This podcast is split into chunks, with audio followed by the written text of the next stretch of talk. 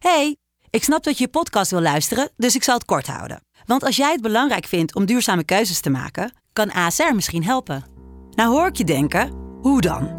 Nou, bijvoorbeeld bij het duurzaam herstellen van schade. Of de premies die we beleggen volgens ons duurzaam beleggingsbeleid. Dat bepaalt waar we wel en juist niet in investeren. Wil je meer weten over welke duurzame keuzes ASR maakt? Ga dan naar asr.nl slash duurzame keuzes. ASR doet het. Zo, dan kan je nu lekker naar je podcast luisteren. Ik was 24. Ik had net mijn nieuwe huis gekocht. Het kost meer dan een miljoen. Je hebt een Lamborghini, had ik toen nog volgens mij eh, voor de deur staan. En eigenlijk alle doelen die je vroeger had als kind. Van, oh, ik wil een keer een dit, ik wil een keer een dat, ik wil een keer een zus, ik wil een keer een zo. Dus ik keek toen om me heen en ik zat in het huis en ik dacht van, ja, oké, je hebt het allemaal. En nu? Ik dacht op een gegeven moment van, oké, dit is niet voor mij. Ik heb morgen nog een sessie. Ik probeer het morgen nog een keer. Ik ga slapen. Op het moment dat ik dacht, ik ga slapen, zei ayahuasca, je gaat helemaal niet slapen, vriend. Ja, dat zijn nu gewoon periodes waarbij ik gewoon echt van ochtends tot avonds aan het knallen ben. Maar er zijn ook periodes dat ik denk van ja, eh, laat het allemaal lekker zitten. Ik pak lekker een vliegticket naar Bali en ik werk twee uurtjes per dag bijvoorbeeld.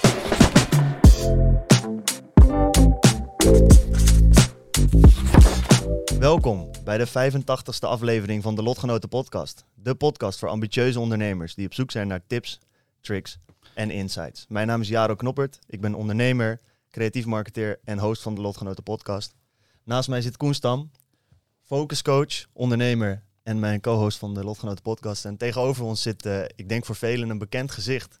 Ja, ja. Joshua Kaats, welkom. Dankjewel, dankjewel. Leuk dat ik hier mag zijn. Ja, leuk dat je erbij kan zijn vandaag. Eh, ja, ik zal een korte introductie doen. Ik denk dat de meeste mensen al wel weten wie je bent. Joshua, jij bent volgens mij nu vier, vijf jaar geleden echt begonnen met ondernemen.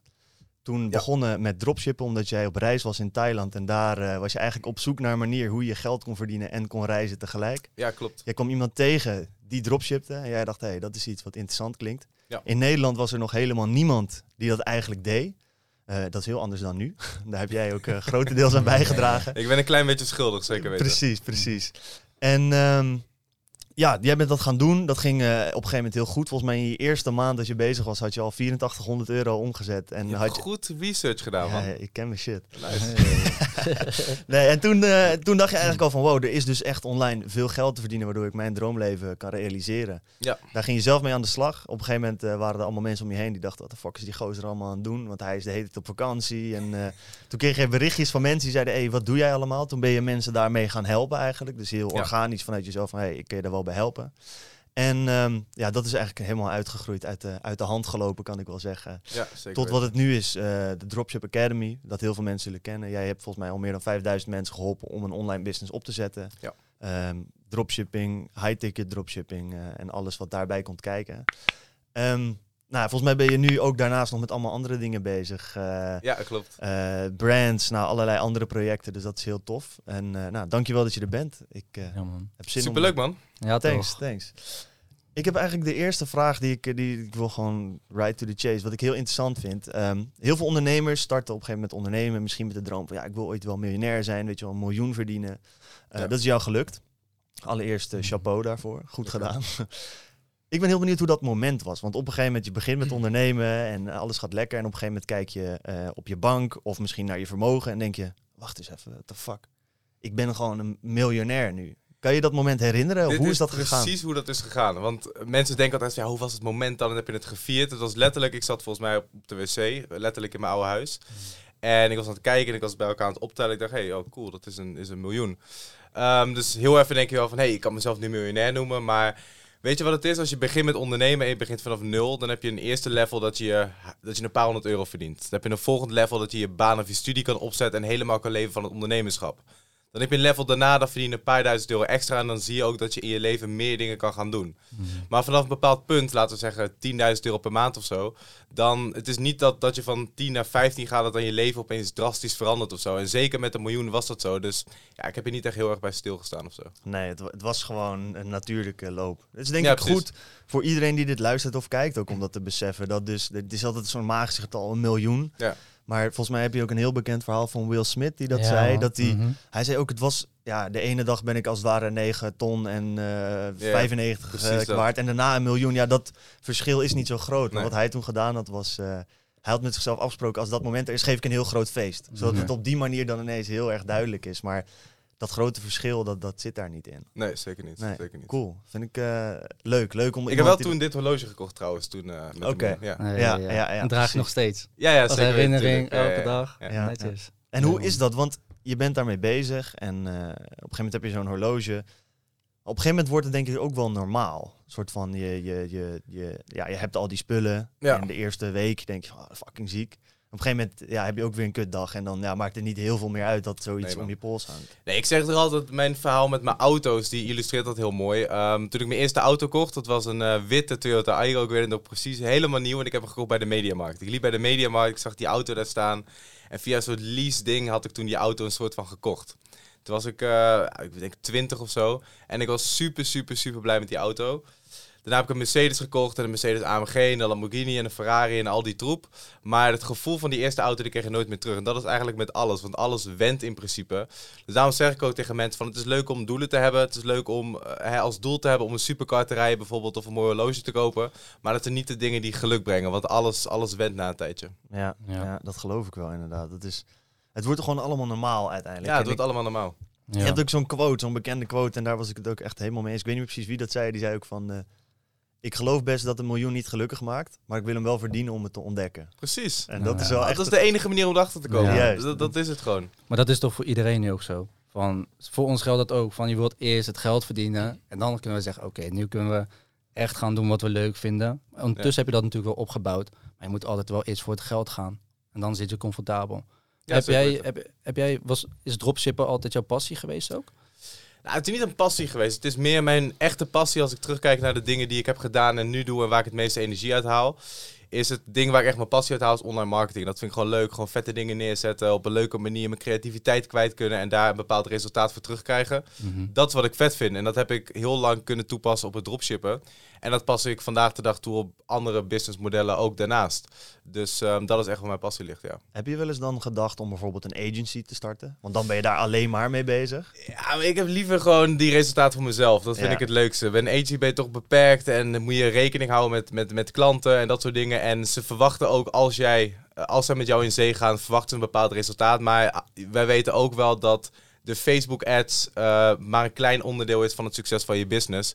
Dus het, het leukste vind ik om echt aan het hele plaatje te werken en niet alleen aan één eh, specifiek ding. En Ja. het liefst ook eh, voor, voor alleen mezelf. Dat kan ik ook wel echt beamen. Ik zit Ja. dan nu sinds augustus werk ik echt bij een marketingbedrijf vier dagen in de week. En daar doe ik inderdaad social ads, TikTok Ja. ads en al die dingen.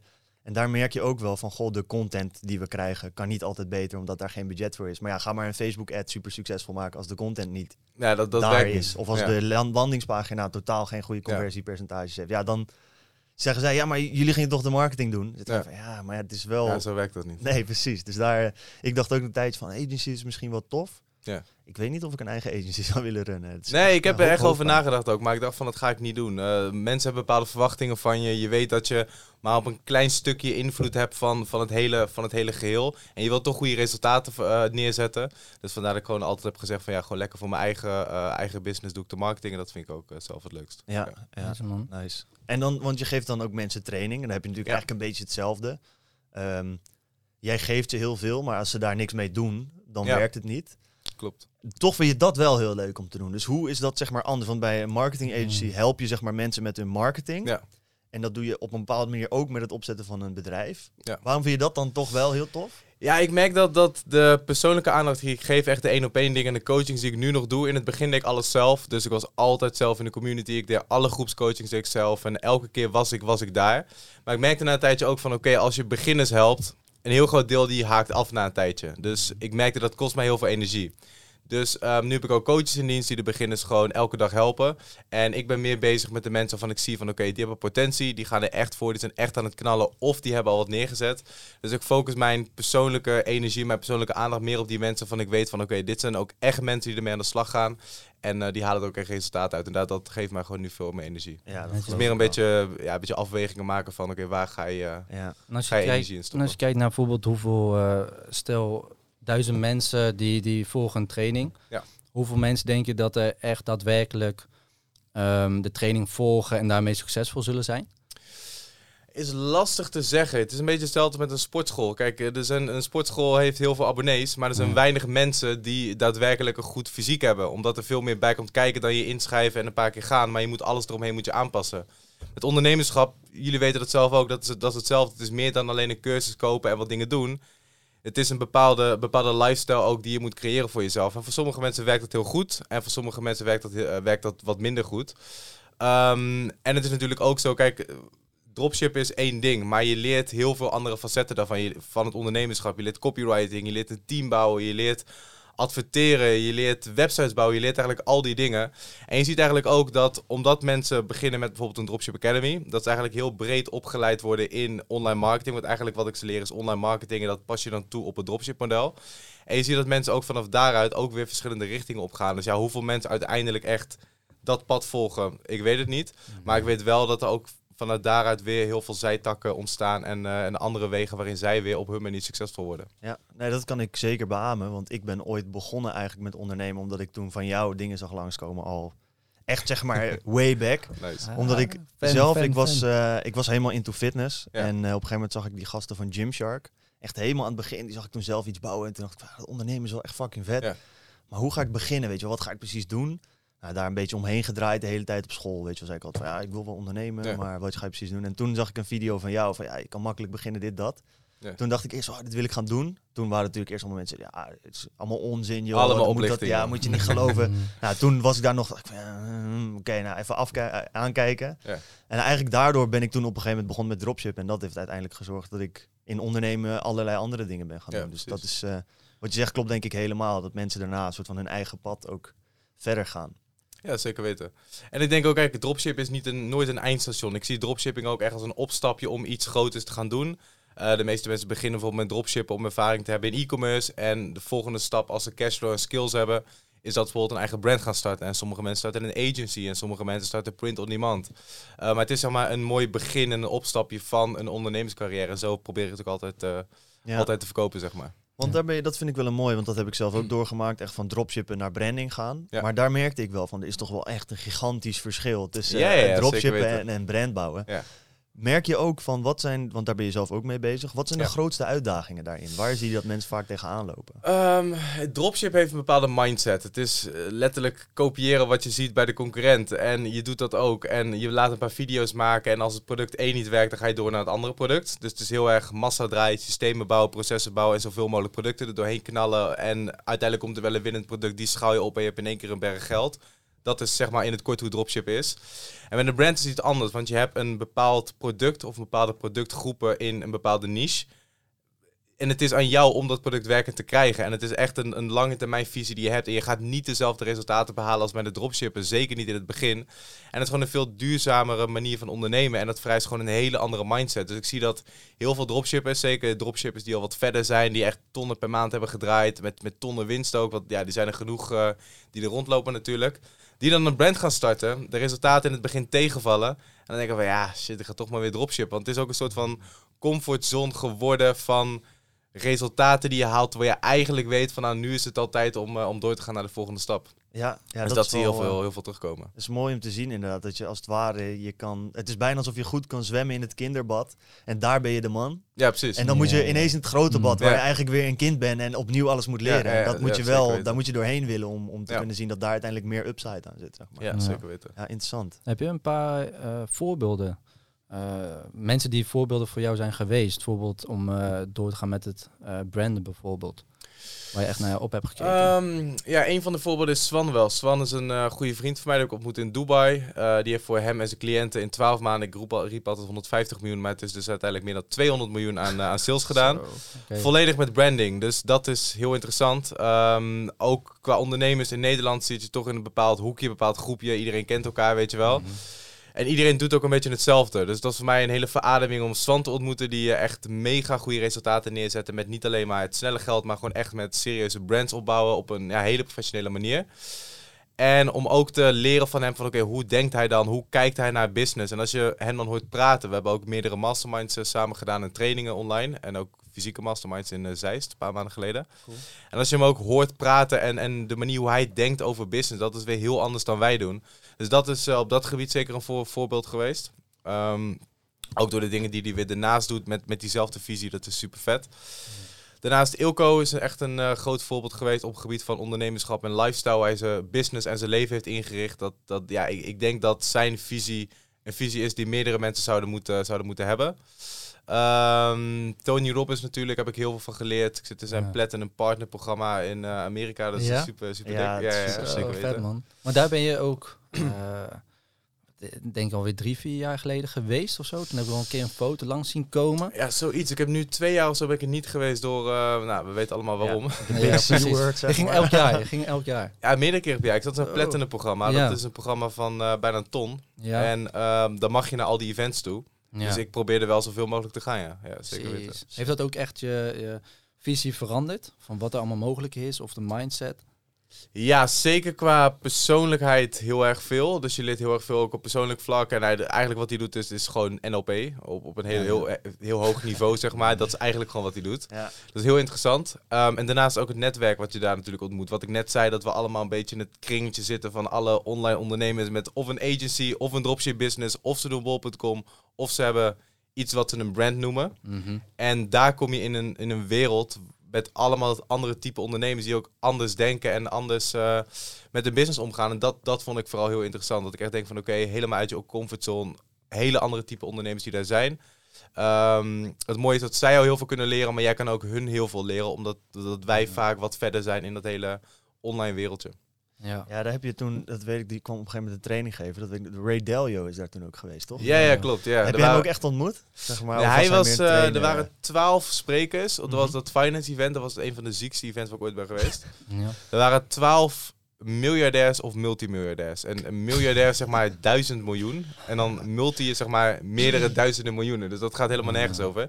Ray Dalio was er ook, had toen volgens mij een vermogen van, weet ik voor 18 miljard of zo. Nou, heel veel in ieder Normaal, geval. hè, is Dan stop je met tellen, denk ik. Dan stop je denk ik met tellen inderdaad. Ja. Maar hij was er online bij, dus hij was niet fysiek. Oh, oké. ja, ja, ja. En het was ook echt in the middle of nowhere, dus ik snap wel dat hij niet... Je moet zo'n klein propellervliegtuig... Ja, je precies. daar, ja, eh, dan had, je, had je daar niet een vlog of zo? Of heb ik dat in je stories toen langs zien komen? Want je ging daar met Vasco Rauw ging je daarheen. Ja, ja, klopt, met? Vasco. we moesten eerst naar herinneren. Salt Lake City vliegen of zo. Met allemaal sneeuw daar. En dan moest je in zo'n propellervliegtuig gingen zo naar Bab, zo naar... eh, ik weet niet hoe heet het ook alweer. eh, iets met... eh, ik weet het niet meer.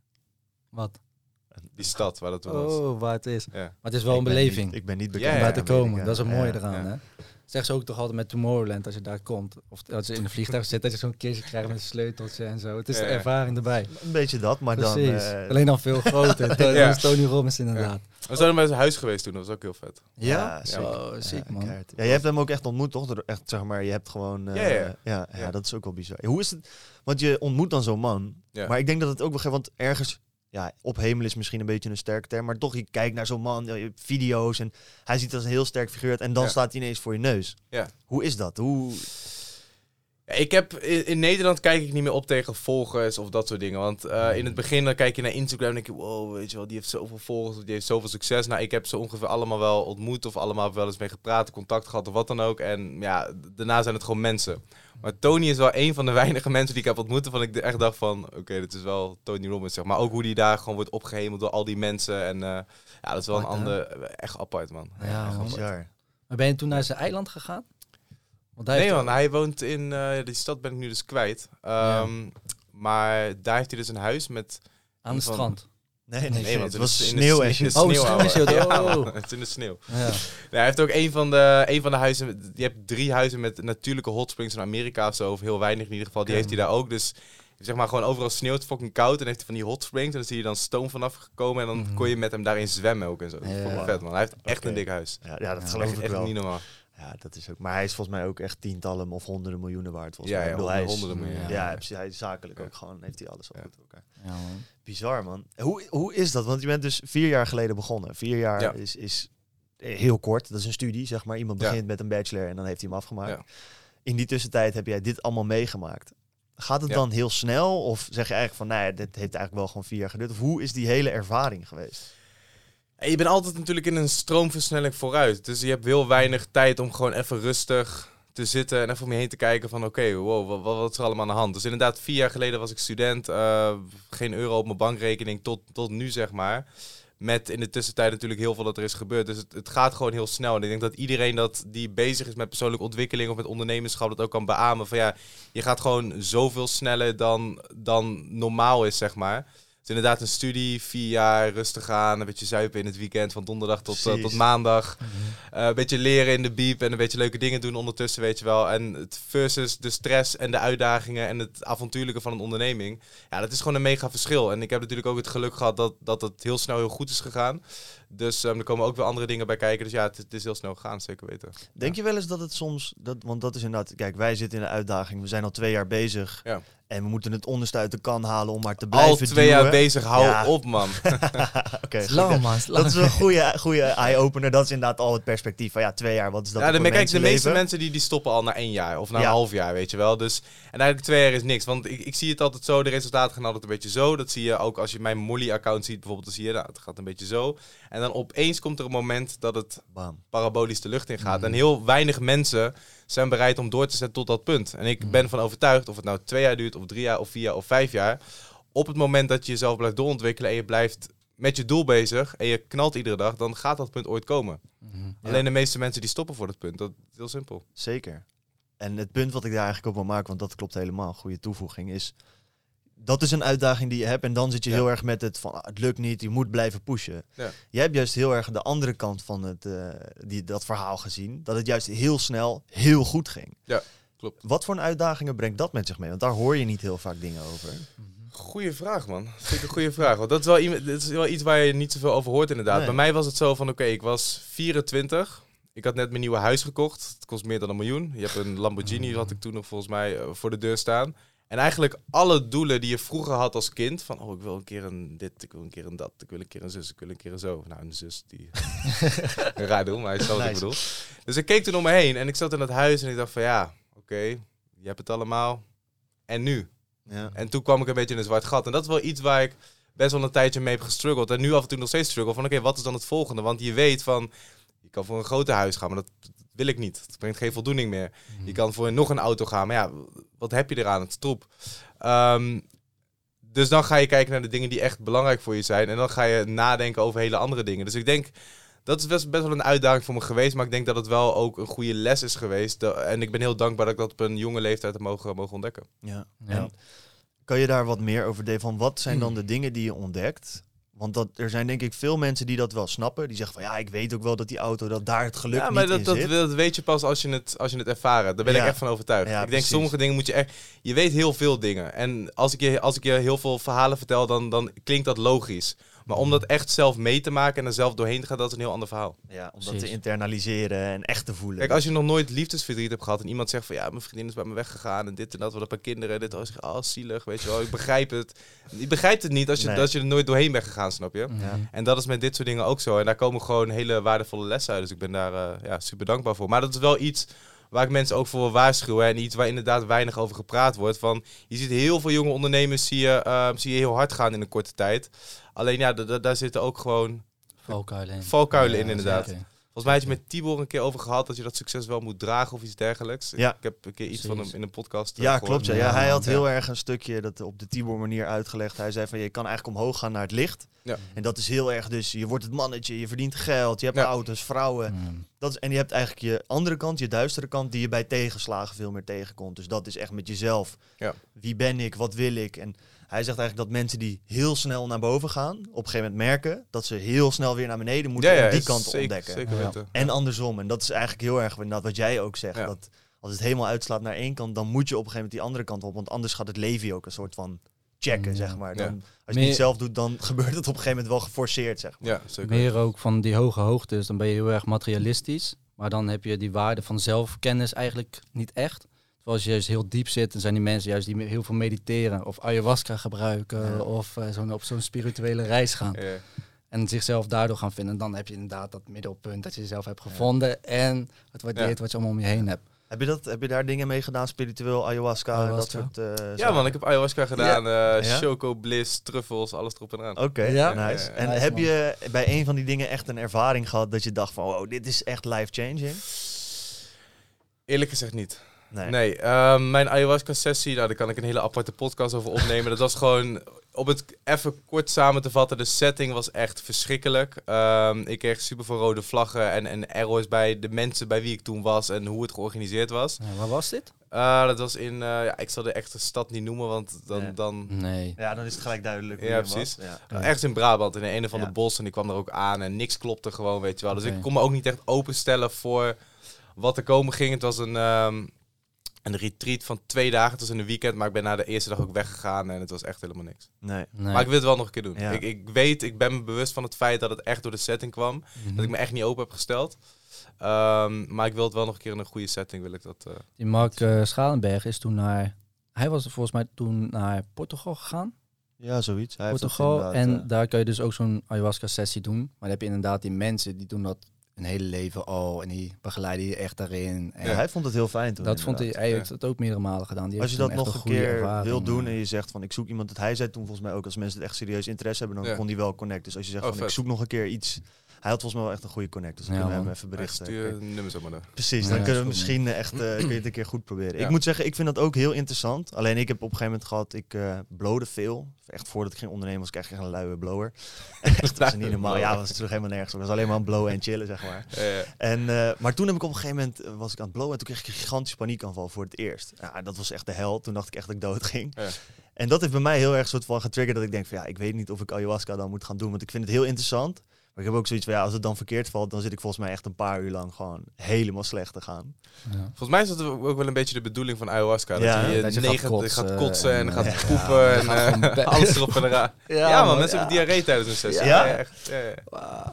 In een broek dat is best gewoon dan? heftig, ja, hè? dat is een rare vraag. Maar wat, ja, ga- kan je dan nog poepen? Zeg maar, kan je nog naar de toilet om dat te doen? Of je ben bent niet, zo je bent niet gehandicapt of zo. Nee, maar ik bedoel met LSD. Nee, maar met LSD volgens mij heb je dat je soms zo de planeet af kan dat het allemaal niet meer ik, heb echt ik heb nooit LSD gedaan. Ja, ik ook Ja, niet. ja, Dus ja, waar, ik heb films gezien, dus misschien klopt er helemaal geen reet van. Nee, maar dat, je, kan wel, je kan wel poepen. Ja, oké. Ja, ja, nee. Maar het is net als met ecstasy toch. Dan zeg in het begin, toen je dat nog helemaal niet kende, zeiden mensen ook gewoon van, hé luister, als je dat doet, je bent niet meer bij bewustzijn, je, weet niet, je bent Ja. de hele dag vrolijk, maar ja, de Ja, spullen ja, kunnen gestolen worden en zo. Terwijl als je dat zelf ervaart, dan denk je ook gewoon van, ik kan gewoon normaal doen. Ik als geen het idee moet, kan je je het normaal doen. nou, maakt niet uit, pik. We hebben het hier over paddo's, ayahuasca, ik vind het allemaal best, man. Nee, dat is zo. Nee, dat klopt. Ik weet nog wel dat ik de eerste keer dat ik ecstasy gebruikte had, dat ik echt zat van...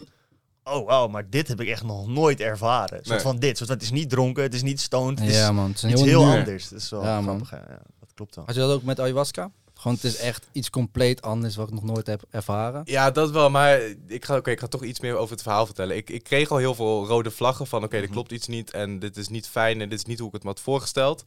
En ook toen we die ceremonie deden... ik dacht van oké, dan moeten we de intenties duidelijk maken... dan gaan we een sharing doen en dan word je een beetje begeleid en zo. Maar het was letterlijk... we zaten er in een kringetje... Met, op zo'n matrasje met zo'n kotsbeker zo eh, ernaast, weet je wel. Stinkende mensen allemaal, zo'n vies hok. Echt, Ja, gadverdamme. Nice. En ehm toen hey Joshua, je hebt het nog nooit gedaan. En ik zeg, nee, nou kom maar naar voren, neem maar een slok. Dus ik neem, neem zo'n shotje, weet je wel. En ehm, toen ging ik weer zitten, is iedereen geweest. En toen zeiden ze, nou jongens, fijne ceremonie, doei. En we, ze deden het, nee, serieus, ze deden het licht uit. Het is pikken donker, je ziet helemaal niks. Ik weet niet wat ik moest verwachten. Ik lag daar op dat, eh, op dat vieze, gore bedje, weet je wel. Man. En ik dacht van, ja, dit, dit, dit is verschrikkelijk. Ik dacht, nou, oké, laat maar komen. Nou, dus ik lig daar zo en er gebeurt niks, gebeurt niks. Nou, het zal wel. Ik hoor mensen om me heen al kotsen en huilen en, en, en scheten laten en zo. Echt, ik dacht, wow, dit is, volgens mij werkt die niet of zo. Ja. Dus, ehm, maar nog steeds die rode vlaggen, nog steeds die arrows, weet je wel. Ook wat, wat, wat die mensen daar een beetje deden. Ik vond het allemaal een beetje, een beetje gek. Dus ehm, ik dacht op een gegeven moment van, oké, dit is niet voor mij. Ik heb morgen nog een sessie. Ik probeer het morgen nog een keer. Ik ga slapen. Hmm. Op het moment dat ik dacht, ik ga slapen, zei ayahuasca, je gaat helemaal niet slapen, vriend. en toen gebeurde alles en ik, ik snapte er niks meer van en zo. Het was wel echt iets wat ik nog nooit heb ervaren.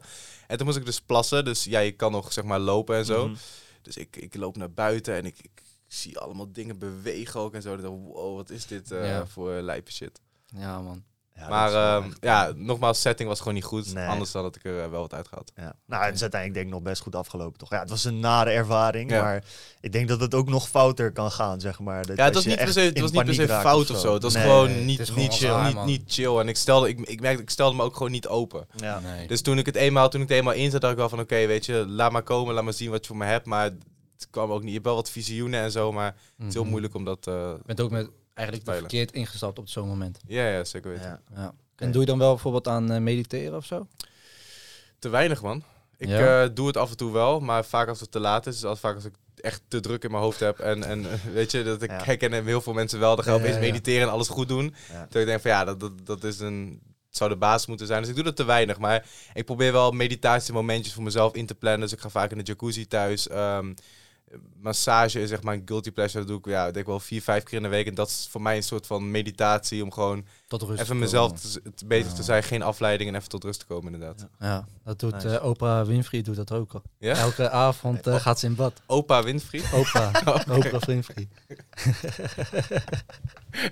ja, man. Ja, is maar elke avond gaat ze dus in bad om, eh, om tot rust te komen, man. Elke avond. Ja, dat, ook dat een is chill. van tot rust komen. Kijk, meditatie, ik ben, ik ben geen, ja, natuurlijk, ik vind spiritualiteit wel leuk, maar ik ben geen expert. Ehm, maar ik denk ook niet dat meditatie hoeft te zijn op een meditatiematje zitten met wierook en eh eh Michael Pilatschik in je, in je koptelefoon. Nee. Mhm. Wat trouwens heel chill is, een app. Ja. Eh, maar ik denk dat ik, dat... eh, ik hou er niet zo van, man. Nee, Nee? maar Ik vind het wel. Headspace en zo vind ik wel fijn, maar... oh, ik vind zijn app wel echt, eh, echt chill, man. Ja, Ja, ik kan het eh, niet ja, zo- wel, eh, kan zijn stem dan niet serieus... Zijn podcast heb ik wel lang geluisterd, Ja. maar ik kan zijn stem niet serieus nemen tijdens Oh, mediteren ik vind het echt, eh, echt Ja. heel relaxed. Ik luister Ja. altijd Leef je droom. Die heb ik heel veel gedaan. Dan ga je Leef je visualiseren en zo. Dat is een van die Oh, ja, ja. Oh, ja. Die heb ik echt veel gedaan. Ik dacht dat het iets van goede nachtrust of zo. Oh ja, ja, ja, die heb ik ook. Ja, ja, ja. echt zo opgedeeld. De dag is bijna voorbij. precies. Ik Ja, goed wel. Ja, Ja, ja, ja, ja. ja. Heb je hem ooit ontmoet, Michael Pilarski? Eh, nee man, dat is wel een van mijn grote, grote idolen. Nou, niet idolen, maar hij heeft veel voor mij betekend. Ja. Zijn, eh, toen ik op rij, toen ik in, spir- in spirituele ontwikkeling, toen ik in persoonlijke ontwikkeling, ja, het is ook spirituele Ja. ontwikkeling trouwens. Maar anyway, toen ik in persoonlijke ontwikkeling kwam, ehm, was Master Your Mindset het eerste echte persoonlijke ontwikkeling boek dat ik had gelezen. En met Nice. dat boek ging ik ook naar Thailand toe, toen ik mezelf al omringen met digital nomads. En ehm, ja, ik heb het boek, weet ik veel, vijf keer gelezen of zo. Overal aantekeningen in gemaakt en het hele boek verslonden. En dat heeft echt heel veel impact voor mij gemaakt. Dat heeft me echt anders laten denken. En, en dat heeft me echt heel erg op weg geholpen in mijn ondernemersjourney. En nu ook iedereen die in de Academy komt, die krijgt ook zijn boek van mij. Ja. Omdat ik gewoon weet van, oké, het kan echt alles voor je veranderen. En ik heb hem wel eens gesproken via Instagram en zo, maar Mm, niet, zo, eh, ja, niet, echt, Nee, niet echt gezien. Ah, kom op, Michael. Die jongen heeft veel boeken voor je verkocht. Is, toch? Je hebt, je hebt echt veel gepusht. Ik vind Ja, dat Michael natuurlijk. wel even eh, contact op kan nemen. Nee, maar hij, hij stuurt ook wel eens een berichtje. ja, ja. Maar het is niet dat ik iets terug wil omdat ik zijn boek... Ik bedoel, Nee, hij maakt dat boek, hij heeft mijn leven veranderd. Ja, Zeg een zeker. beetje, gun een beetje. Nee, maar het is echt zo, man. Nee, serieus. De Mensen krijgen echt weinig erkenning en, en dingen in deze game. Dat is echt zo. Dus ik denk Ja. ook dat mensen... Kijk, hij heeft zoveel voor mij betekend. Ik denk ja, dat is het minste wat ik terug kan doen, toch? ja, dat is. Gewoon zijn boodschap Mm. verspreiden aan Ja. mensen. En ook al kost dat geld en ook al kost het me een... Weet je, zijn boodschap heeft mijn leven veranderd. En ik vind dat het mijn verplichting is om die boodschap ook door te geven aan meerdere mensen. Ja, ik Top, vind het ook echt een goed boek. Ik had ook dat ik eh, mijn eerste, volgens mij een van de eerste boeken was ehm, eh, Think and Grow Rich. Ja. En dat vond ik toen ja. iets te Amerikaans, zeg maar. Ja. Een beetje van- Nou, ik snap wat je bedoelt, ja. En Mm. toen kwam ik op een gegeven moment bij Master Your Mindset. En dat was Ja. veel meer dat ik dacht, ah, dit, dit voel ik zeg maar wel echt. Ja. Dus dat, eh, dat, dat kan ik wel echt beamen. Dus voor iedereen die het luistert of kijkt die dat boek nog niet gelezen heeft. Koop dat boek nu direct en eh, ga het gewoon lezen. Want ik denk echt dat het voor iedereen... Ik heb het ook aan mijn pa gegeven. En die haalde er ook heel veel dingen uit die Ja. hem weer geholpen hebben. Dus Ja. Ik denk voor iedereen wel. Iedereen die we wel hebben gesproken heeft of Think and Grow Rich of Master Your Mindset gelezen. ja. En het zijn meestal de eerste boeken die je Ja, leest. En maar ik, denk, ik, de denk, journey, ook, ik toch? denk ook als je bezig bent met ondernemen of in ieder geval met jezelf. eh, dus, ja, voor iedereen. Het is gewoon een must read. Ja. Ook, het het helpt met alles. Ook al eh, wil je, weet ik veel, advocaat worden. Al wil je gewoon gelukkig worden. Ja, Gelukkig, heel afgezaagd. Maar dat is gewoon, ja. als jij gewoon in het leven wat meer balans wil vinden, gewoon van, hé, wat wil ik nou echt? Ja. Is dat wel een soort van goed moment om even aan de rem te trekken. Ook zeker voor mensen die ouder zijn, die al weet ik hoeveel jaar een vaste baan hebben. En misschien daardoor denken van, ja, doe ik wel echt wat ik echt wil doen. Ja, precies. Ja, Dus dat is wel, want wij... Ik denk dat wij geluk hebben dat wij jong zijn en nu al op dit pad terechtkomen. En heel veel mensen die denken er niet over na. Zeker voor het hele social media tijdperk natuurlijk. Ja. D- Er is een bepaald pad normaal en dan ben je op een bepaalde leeftijd en dan denk je van... hé, hey, is dit wel echt waar ik gelukkig van word? En hé, hey, volgens mij heb ik geen tweede kans meer en eh, is dit het leven wat ik moet leven? Precies. Dus Is ik denk dit hoe... het? eh, Precies, Ja. ja. Ja, Ja. En eh, je hebt dan, we hebben het nu ook, zeg maar, over Tony Robbins en spirituele. En dus het gaat allemaal over mindset. Eh, maar met business heb je bijvoorbeeld Ilko de Boer gehad, die jou heel erg heeft Ja. geholpen daarin. Heb je, ehm, dat vind ik nog wel lastig, want in het begin in ging ik inderdaad Think and Grow Rich lezen en alles. Maar ik ben eigenlijk te laat begonnen met echt investeren in, oké, hoe ga ik mijn business laten groeien? Ja. En als jij kijkt naar een aantal, eh, misschien, misschien heb je een aantal tricks of zo, weet ik veel. Maar waarvan je zegt van, als je echt je business wil laten groeien, eh, kijk dan hiernaar. Misschien ook, net als Master Your Mindset, een boek of een paar stappen die je kan zetten. Ik denk dat Master Your Mindset, Think and Go Rich, Rich Dad, Poor Dad, nou, we weten, we kennen ze allemaal, dat dat Ja. een mooie eerste stap is en dat het daarna helemaal ligt aan de situatie waar je in zit, op het moment waar je dan staat. Ja, Ehm, ja, begin je net, dan wil je misschien kijken naar de Facebook ad cursus of zo, weet ik veel, om omzet te genereren. ja. Ben je wat? Kijk, wat bij mij bijvoorbeeld was, van je gaat groeien, je hebt meer mensen nodig, ehm, je team wordt groter en je bent alsnog die creatieve ondernemer, dus je bent geen manager, manager. Dus dan wil je misschien daarin gaan ontwikkelen en daar de juiste boeken voor zoeken. Ehm, nu ben ik op een punt dat mijn business redelijk geautomatiseerd is. Er komt cashflow uit. Ja, wat ga je dan met die cashflow doen? Dat wil je op een slimme manier weer dat investeren, zodat je hè, financieel vrij gaat worden. Dus dan ga je daarop richten. Dus het is een beetje van waar sta je in je journey? Bijvoorbeeld toen ik dat moment had dat ik om me heen keek en dacht van ja, wat nu? Dat, een beetje dat zwarte gat. Ja, dan ga je niet een boek lezen over hoe je meer geld kan verdienen, want dat is op dat moment niet belangrijk. Dan ga je kijken naar van oké, dan ga je een beetje de spirituele kant op. Dus het is, eh, het is meer, ja, ik denk dat mensen heel erg naar hun eigen situatie moeten kijken van oké, waar sta ik nu? Waar wil ik naartoe? Waar loop ik tegenaan? Waarin wil ik mezelf ontwikkelen? En voor die specifieke onderwerpen en punten daar weer een mentor voor gaan zoeken. Dus ja, dat kan van alles zijn. Dat kunnen boeken zijn, dat kunnen cursussen zijn. Dat kan gewoon iemand zijn waarbij tegen je opkijkt of iemand uit je huidige omgeving. Mhm. Bijvoorbeeld Vasco, die heeft mij heel erg veel geholpen met het investeren. ja. Dus dat is een, een mentor voor mij op dat gebied. Aan de andere kant ben ik ook weer een mentor voor hem, omdat eh, ik natuurlijk al een track record had met online cursussen, Dropship Academy, High Ticket, eh, Pinterest Mastery, noem het allemaal maar op. En hij startte de Millionaires Club, dus ik heb hem daar weer in geholpen. Dus ehm, ja, ik denk dat dat, ja, gewoon kijken van waar sta ik nu en waar wil ik in ontwikkelen en daar de juiste mensen voor zoeken. Ja, en dat is belangrijk. En de fout die ik heb eh, gemaakt, denk ik in het begin ook wel, was van ehm, ik kan het zelf wel. Dus ik moet het zelf een beetje gaan ontdekken. Ja. Ehm, en nu merk ik steeds meer van oké, inderdaad, wat, wat jij net zegt, van je, hebt, je gaat een bepaald pad bewandelen en heb je een, daarin moet je echt een coach gaan zoeken. Ehm, maar dan moet je ook geld voor neerleggen. En dat is iets Ja, wat... niet altijd. Nee? Nee man. Nee? Nee. Heb jij voor, eh, voor, voor Tony Robbins moest je wel 100.000 neerleggen? Ja, oké, daar heb ik aardig wat voor eh, neer moeten leggen. Precies. Eh, misschien voor Vasco Rauw niet, weet ik niet. Nee. Nee, precies. Ehm, maar dat kan wel een obstakel zijn voor heel veel ondernemers. Dat ze denken, oké, nu moet ik echt in mezelf gaan investeren. Het is geen boek meer van 20 euro. Maar het wordt een coaching van een paar duizend euro. Het hoeft niet. Nee. Dat hoeft niet. Je hebt, je hebt geen coach nodig voor een paar duizend euro. Ik bedoel van, kijk, een, een boek van bijvoorbeeld, noem, noem je Steve Jobs.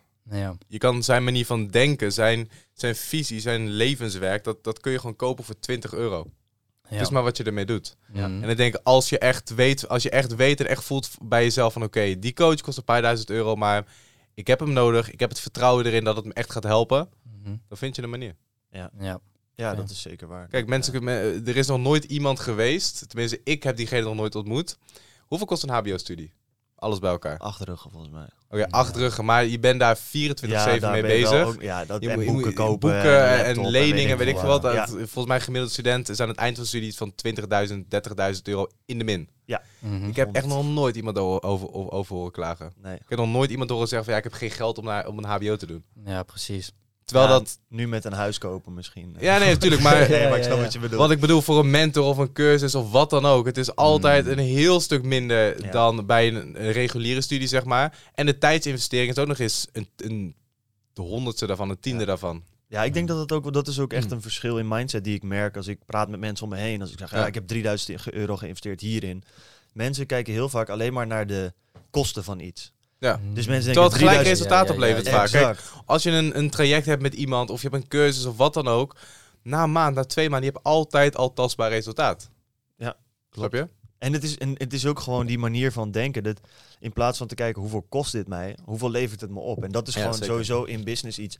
Inventaris is in principe exact hetzelfde. Als jij voorraad gaat kopen, ja, dat kan 20.000 euro zijn. Maar Ja. dan koop je wel iets voor terug wat in potentie misschien een ton, twee ton waard En het is niet alleen maar geld wat het oplevert en investering. Het is ook eh, de, de boodschap die je aan jezelf al geeft van... hey, kijk, ik ben zo serieus met mezelf. Ik investeer een paar duizend euro in het succes omdat ik dat belangrijk vind. Maar ook de investering in connecties die je doet. Van wat denk je wat voor... Kijk, ik heb heel veel mensen in mijn DM bijvoorbeeld die stellen me vragen. Die willen ontmoeten, ook kopje koffie, dit, dat, zus, zo. Allemaal bullshit. Die, die, die willen komen wat halen, Ah, zeg maar. Dat Ja. gebeurt best wel vaak bij jou, denk ik. Ja, maar dat gebeurt super vaak. Maar de, en dat merk ik ook bij andere coaches, de makkelijkste manier om bij iemand als mij of bij een Ilko of weet ik veel wie in contact te komen, is gewoon betalen. Hij organiseert een mastermind, bam, je betaalt, je gaat met hem praten, bam, je hebt een connectie voor het leven. Ja. Ja. True. Dat is zeker waar. En je weet nooit wat er, je weet nooit wat eruit komt. Ja. Zijn er ook mensen die voor jou eh, naar je toe kwamen en zeggen van... Hey Josh, ik wil eh, voor jou gaan werken? Ja. Om zo een netwerk op te bouwen? Ja, toch? Ja, ja klopt. Oké, maar dat is ook voor, men, voor de luisteraars, dat is ook gewoon een ingang Ja, eh, zeker weten. die ik kan opzoeken, zeg maar. Ja, zeker. Nou, niet allemaal tegelijk Joshua dan nu een DM. nou, ik heb wel personeel nodig, dus Oh, toch wel. Stuur allemaal. info at dropshipacademy.nl. Oké, ja, Ah, kijk. dat netjes, is, en netjes. daarbij is het weer heel belangrijk dat, dat je inderdaad ook gewoon waarde geeft. Ja, dat, je dat, dus- dat is heel belangrijk. dat je zegt, Ja, hey, zeker. dit kan ik je brengen. Dus niet, hey, ik heb hulp nodig bij dit en dit. Kan je een koffietje drinken? Ja. hey, ik zie dat hier en hier gaten zijn in je business en ik kan je daar zo en zo bij helpen. Iedereen kan dat. Iedereen kan bij iemand iets bijdragen. En ik denk ook dat... Ik ben het deels met je eens, maar ik denk ook dat heel veel mensen dat weer inzetten als een trucje. Dus ik krijg ook True. heel veel berichten van... Hey, joh, dan willen ze iets geven en dan Ja. weet ik al van... Oké, Mm. dan, zeg- dan krijg ik dat zo meteen en dan verwachten ze dit en dit en dit terug. Ja, Ja. precies. Dus ik denk dat het mooi is om gewoon lekker bij jezelf te blijven en gewoon ja, waarde te geven omdat je het wil geven en dat dat jouw standaard wordt en niet waarde geven om vervolgens iets terug te krijgen. Want andere mensen voelen dat ook. En dat, volgens mij heb dat bijvoorbeeld met Vasco wel eens benoemd, eh, dat we eerst dachten van, hey, cool, we kunnen elkaar een beetje helpen, zijn goede vrienden geworden. En ehm, we hebben eigenlijk nog nooit echt iets business-wise samen gedaan. Want we denken van, hé, dat, dat komt wel. Maar die vriendschap is gewoon een goede basis. En ehm, als we elkaar kunnen helpen, dan helpen we elkaar. En als er uiteindelijk iets uitkomt of zo, dan komt dat eruit. Maar dat zou niet het doel moeten zijn van, van een connectie. Er zijn ook mensen die, eh, waar ik eerst tegen opkeek, die drie jaar geleden een keer ontmoet. Dus in die twee jaar daarna bijvoorbeeld eh, eh, niks uitgekomen, maar opeens daarna, dan, dan heb je er wat aan. Zeker waar. Mm. Ja, dat is, daar heeft eh, Gary V, die ken je denk ik wel, die heeft daar ook een soort Gary, Gary? Gary Vaynerchuk. Oh, Gary V. Gary Natuurlijk ken ik die. Ja, Ja, nee, dat is dus, ik werk bij een marketingbureau en de Ja. helft kent hem niet. Oké, dat is echt Ja, dat is- ik het zal je verbazen hoeveel slecht. mensen hem niet kennen. Ja, Ja? helemaal als je Ja. in de marketing werkt en je kent hem niet. Dat, ik zeg tegen Welk marketingbureau is dat? ik ga niet eh exposen. nee, het heet Elevate Digital. Het is een goed bureau, alleen ja, dat is gewoon niet bekend. Die manier van. eh, ja, ik, ik ben het aan het introduceren. Laten we het daarop houden. Maar nu ehm, weten ze het wel. eh, ja, nu weten ze het zeker. Kennen, ze mij wel? eh, ja, denk het wel. Oké, goed Denk marketingbureau. Ja, ja. Toppers. Ehm, maar in ieder geval, wat hij zei ook, is dat heel veel mensen inderdaad geven met de verwachting dat er uiteindelijk iets voor terugkomt. Dus Ja. Hij zegt ook van ja, maar dan, Mhm. dat is bullshit. Ja, dat is Want bullshit. geven is, ik geef jou iets en ik verwacht er niks voor terug. Anders Ja. is het ruilen. Ja. En heel veel mensen ruilen. Ja, ruilen met een lang tijdsframe misschien. Dat je denkt, ik hoef niet gelijk er iets voor terug, maar in Ja. de long run wel. En dat is denk ik ook echt belangrijk als je dit luistert, om dat bij jezelf ook te blijven checken. Ja. Want ik denk dat je dat soms misschien per ongeluk ook wel doet. Dat je denkt van, oh, als ik die persoon dit een beetje geef, dan kan ik misschien dit ervoor terugkrijgen. Maar wees daar gewoon scherp op bij jezelf. Ja. Want als je dat continu doet, ja, dan kom je gewoon heel inauthentiek over, denk ik. En het voelt voor mij ook gewoon niet goed om dat te doen, zeg maar. Er zit gewoon niet in mijn systeem om... Ook al wil ik iets van een bepaalde persoon, het, het komt gewoon niet in mijn hoofd op van... Oh, dan, ga je, dan kan ik even kijken wat ik diegene kan geven, want dan krijg ik vast wel iets terug. Nee, Ja. dat Ja, ja, is ja, ja. bullshit. Ja, zeker. Ja. Ja. dat is natuurlijk denk ik ook omdat je heel erg, ja, om die term te gooien, in abundance leeft. Ja, en dat ook heel veel teruggekregen heeft. Dus dan op een gegeven moment weet je ook gewoon, het trucje is gewoon, ik geef zonder terug te verwachten. En dan komt het als het ware op een gegeven moment weer Mm. terug. Ja, en zo niet dan niet. Nee, precies. En dan komt het op een andere manier. Dan komt er of een wijze les uit. Of Ja. zeg maar, op die manier kun je er veel van leren. Ik wil nog even terugpakken, want dat ook wel interessant vind. Jij zegt, je hebt best wel snel succes gehaald. En daar eigenlijk daarna weer een hele eigen uitdaging bij gevonden. Ja. In je cursus zul je vast ook mensen hebben die heel snel heel veel succes behaald hebben. Ja. Eh, zit er bij die hele cursus en coaching eigenlijk dan ook dat stukje een beetje bij? Van, hey, ik zie dat je heel hard gaat. Ik heb dit ook meegemaakt. Let hier en hier op. En hoe kunnen we jou helpen om dat ook te managen?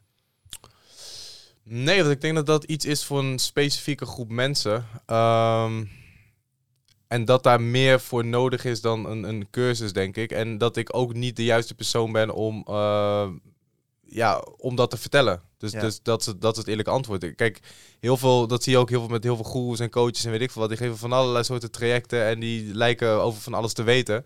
Maar ik denk dat het een bepaalde kracht is om eerlijk naar jezelf te kunnen kijken van oké, waar kan ik mensen helpen? En voor welke onderdelen stuur ik mensen door naar iemand anders. Ja. Dus ik heb bijvoorbeeld een coach gehad en als ik zie, ik, ik zie dat regelmatig in mijn omgeving van oké, die, die mensen hebben misschien nu wat, wat sturing nodig. Die stuur ik dan door naar mijn coach. Uh, in plaats van dat ik ze zelf uh, uh, ga proberen te helpen. Ja. Dan, want ik weet gewoon van diegene die is daar 24-7 mee bezig. Dat is gewoon een expert op dat gebied. Je moet niet bij mij zijn. Ik heb mijn eigen uitdagingen. Ga daar naartoe. Ik kan jou heel goed leren om online geld te verdienen via bijvoorbeeld e-commerce. Ja.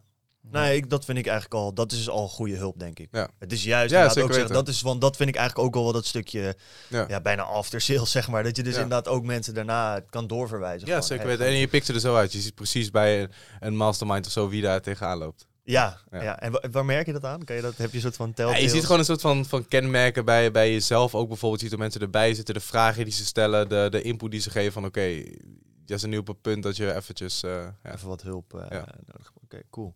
Heb je studenten waarvan je zegt van dat zijn echt. eh, ik had nooit verwacht dat ik dat soort studenten zou hebben als in zoveel succes of dat ze zoiets geks behaald hebben dat je echt denkt van. wow. Ehm, ja, heel veel studenten hebben mij ingehaald, man. Dat vond ik wel, vond ik wel vet. Nee, serieus. Want Ja. in het begin, je begint zeg maar in 2017, niemand weet wat het is. En jij bent zeg maar de, de leraar van wie ze het allemaal leren. Mhm. En ik heb natuurlijk na een tijdje mijn focus vers- vers- verbreed. Dus Mhm. in plaats van dat ik alleen maar dropshipping deed, wat ik echt heel lang heb gedaan. En dat was gewoon echt mijn main inkomen, ook toen ik gewoon een cursus had daarnaast. Maar daarnaast merkte ik van oké, die, die cursus die, die groeit. Maar ook, ik haalde heel veel passie eh, en inspiratie uit om mensen persoonlijk te gaan helpen. Want ja, het is leuk om nummertjes te zien online. Maar als je dan ergens loopt en zegt, hey Josh, eh, ik eh, ben via jouw cursus begonnen en ik stond eerst hier en ik sta nu daar en ik ben je eeuwig dankbaar. Dat is waar je het voor doet natuurlijk. Dus mijn focus is na een tijdje veel meer op die cursus gaan zitten dan het dropshippen zelf.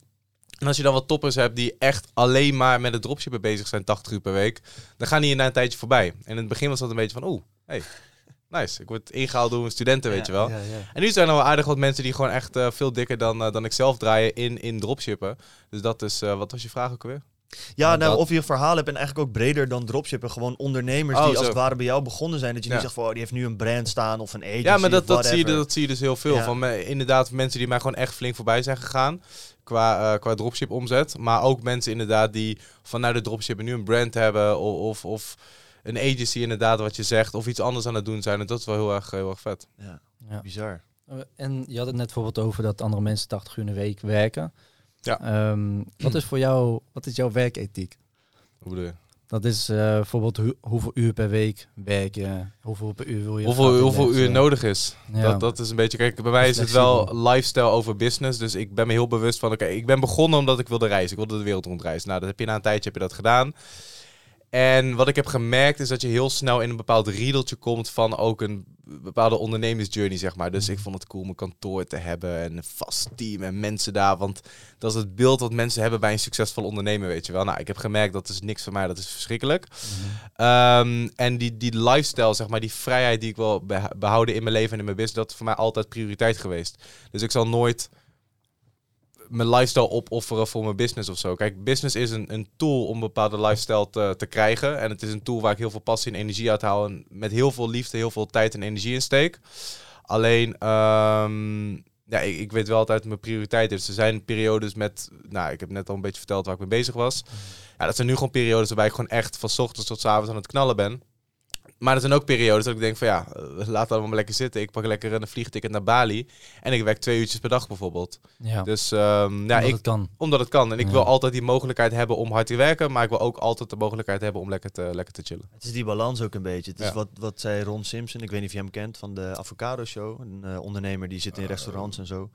Die naam komt bekend voor Ja, maar ik, eh, We spraken hem een paar weken terug en hij zei ook heel erg dat hij, eh, hij had drie onderdelen. Dat was volgens mij passie, geld en vrijheid. Volgens mij die drie dingen. Ik weet niet of het goed zeg, maar hij zei ook van, Mhm. je, hebt, je wil eigenlijk altijd een balans in die dingen hebben, in alles wat je doet. Maar hij zei, maar het kan ook heel goed zijn dat je even een project, project hebt dat fucking veel geld oplevert, maar misschien niet al je passie heeft. Mhm. Dan is dat ook prima om dat een paar weken te doen. En daarna heb je man. misschien een tijd dat je iets volle bak met passie doet, waar misschien niet veel uitkomt. Maar dat, Ja. het hoeft niet altijd helemaal perfect in die balans Nee, te nee, zijn. zeker niet.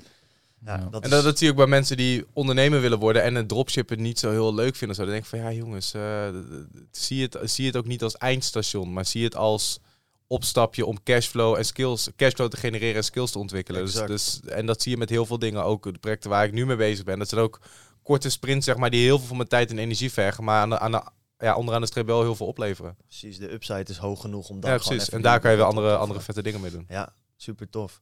Dat is wel grappig, want inderdaad, dat is leuk om te zien dat mensen dan eh, bijvoorbeeld dropship een tijdje om cashflow op te bouwen, eh, om daarna door te groeien, dat, dat vinden mensen moeilijk. Maar vier jaar studeren en ja, ik denk niet dat er heel veel mensen het super tof vinden om tentamens te leren en Nee zo. man, natuurlijk niet. Niemand. Dat mensen dat dan wel doen, zo van ja, dat moet, Ja, maar want ik vind zeg maar iets. verplicht om negen uur ergens zijn en om vijf uur pas weer naar huis mogen. En in die acht uur, zeg maar, precies doen wat er van je gevraagd wordt. Ja. En dat zeg maar je hele leven. Dat vind ik zwaarder dan wat ik doe.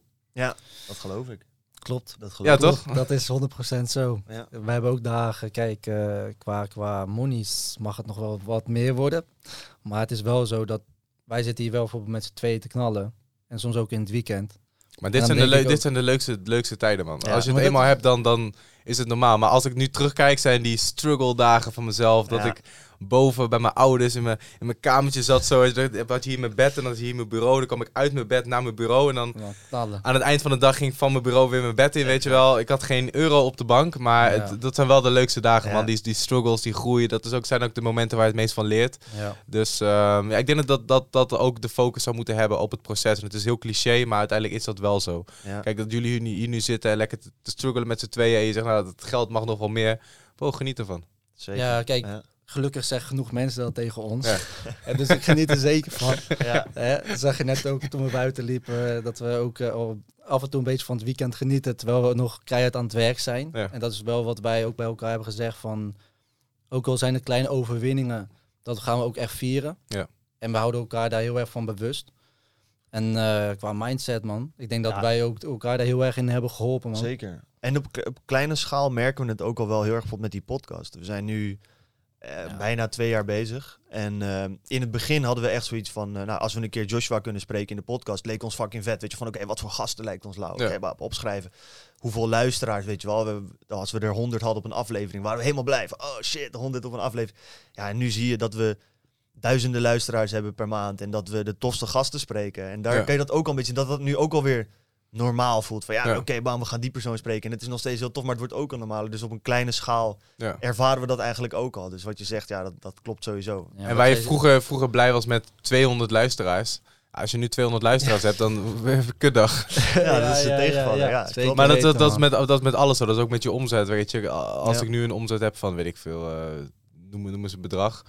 Zou ik Ton. vroeger, Ja. een ton, ja, daar zou ik vroeger heel blij mee zijn. En nu, ja, kutmaand. Ja, Ja. precies. Ja, dat Was is ook. eh, dat is, ja, dat- je hebt ook zo'n, zo'n. Ik ben altijd met mijn quotes, maar ook zo'n quote van toch van. eh, omring jezelf niet met mensen eh, die met 50 een goede maand hebben. Omring jezelf met mensen die met 50 een kutmaand hebben. Want dat Ja. zijn de mensen die next level, Ja. zeg maar, denken en, en Ja. werken. En ik denk dat dat wel echt waar is. Ja, zeker weten. Ik heb nog een eh, interessante vraag. Ik weet niet of je er antwoord op weet. Ehm, als jij, want je bent gestopt met je studie op een gegeven moment, Ja. maar je was ergens voor aan het studeren. Had jij, wat was je geweest als dit het niet was geweest? Dus je was niet gaan ondernemen, je had gewoon je studie gedaan. Doodongelukkig. Alleen dat gewoon. Alleen Ja, dat. ja, doodongelukkig. Nee, maar ik, ik wist altijd al dat ik eh, iets met ondernemen wilde gaan doen. Ik wist alleen nog niet wat. Dus ik denk, ja, het is echt een hele goede keuze geweest voor mij om eh, te stoppen met mijn studie. Want ik weet, in een baan dan zou ik altijd nog zoekende zijn geweest naar een alternatief. En ik ben heel blij dat ik dat de alternatief tijdens mijn studie heb gevonden en niet later. Want ja, tijdens je studie, kijk, eerlijk is eerlijk, je hebt gewoon weinig verantwoordelijkheden. Ik werkte nog bij mijn ouders, of ik werkte nog bij mijn ouders. Ik woonde nog bij mijn ouders. Dat was een goede Ehm, woning daar. ja, ja, ja, precies. Gezellig. Koken, afwassen. Nee, ik woonde nog bij mijn ouders. Je kan het nog een paar keer opfokken, zeg maar. Dus dat Mm. is ook de tijd, denk ik, ook voor mensen die nu, nu luisteren. Je denkt vaak dat je dan heel veel verantwoordelijkheden hebt, maar eigenlijk helemaal niet. Niks. Uh, je hebt misschien geen geld, je hebt misschien geen ervaring, maar je hebt iets wat veel belangrijker is. Dat is gewoon een overvloed aan tijd.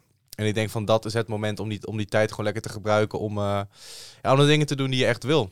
en het is prima om dat naast een studie te doen als een backup of in ieder geval bezig te zijn. Um, en ik denk ook tijdens een baan dan heb je toch een soort van comfortzone. Dan heb je je vaste lasten, dan heb je een bepaald salaris waar je aan gewend bent. En dan is het veel moeilijker om zeg maar die stap te maken naar het ondernemerschap. Ja, dan moet je dat continu blijven pushen. Plus je tijd is natuurlijk wat je zegt. Ja, ja. Kijk, ik merk nu, ik werk vier dagen in de week van, nou, van 9 tot 5. En ik moet zeggen, het is minder erg dan het lijkt. Ik bedoel, ik heb iets leuks. Maar ik merk wel dat ik inderdaad heel erg bezig ben met kijken, ik wil ook voor mezelf uiteindelijk iets bouwen. Ja. En uh, ja, ik merk nu dat ik dus van 9 tot 5 op werk zit, om 6 hier ben, tot 11 hier zit, s ochtends Ja. weer vroeg op. Mhm. Dat vijf dagen in de week en dan het weekend vaak nog één, anderhalve dag. Ja. ja, dan zie je dus wel dat mijn hele leven is gewoon alleen maar werken. Ja. En daar moet je wel zin in hebben. En het is een stuk chiller als je als student gewoon zegt, ik neem even een jaartje een tussenjaar. Ja.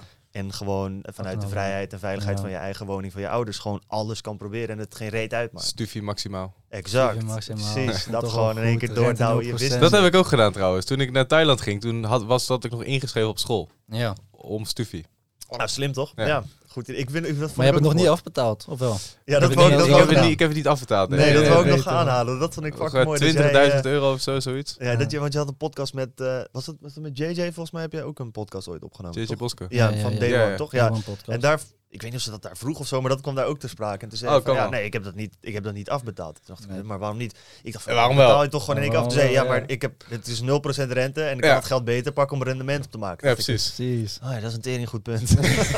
Ik combinatie kan het nu met of, in- of, in- of in bitcoin stoppen of zeg maar aan de overheid geven. Ja. Ja, ja, dat is, de keuze is best dus, wel makkelijk. ja. en als je het vier jaar geleden in bitcoin had gestoken. Zo. Hey, Prima. Dat was lekker geweest. Prima. Live hacken, iedere student maximaal lenen, allemaal in bitcoin. Ja, ik heb Ja. oprecht, ken Geen ik best financieel wel... stress. Nee, ik wil Ja, net ja, zeggen. ja. Ik ken best wel veel mensen die dat deden hoor. Ik had Ja? wel jongens op school die dan thuis woonden en alles leenden en gewoon investeerden en weet ik veel Ja. wat ermee ja, dat is het slimste wat je kan doen. Dat is in principe gratis geld. Ja, Ja. ja, ik heb dat helemaal verneukt. Ik heb het geïnvesteerd in bier. Ja, bier en ik, jonko. ik, ik ook wel in eh, de nodige feestjes, ja. Ja, Ja, ach, lekker. ja. Maar toen ook in Thailand. Dus, eh, ja, precies. Ja, man. Ja. Je hebt het ook weer terugverdiend. ja, ja, Dat, zeker weten. is dat scheelt ook wel, hè. ja, ja.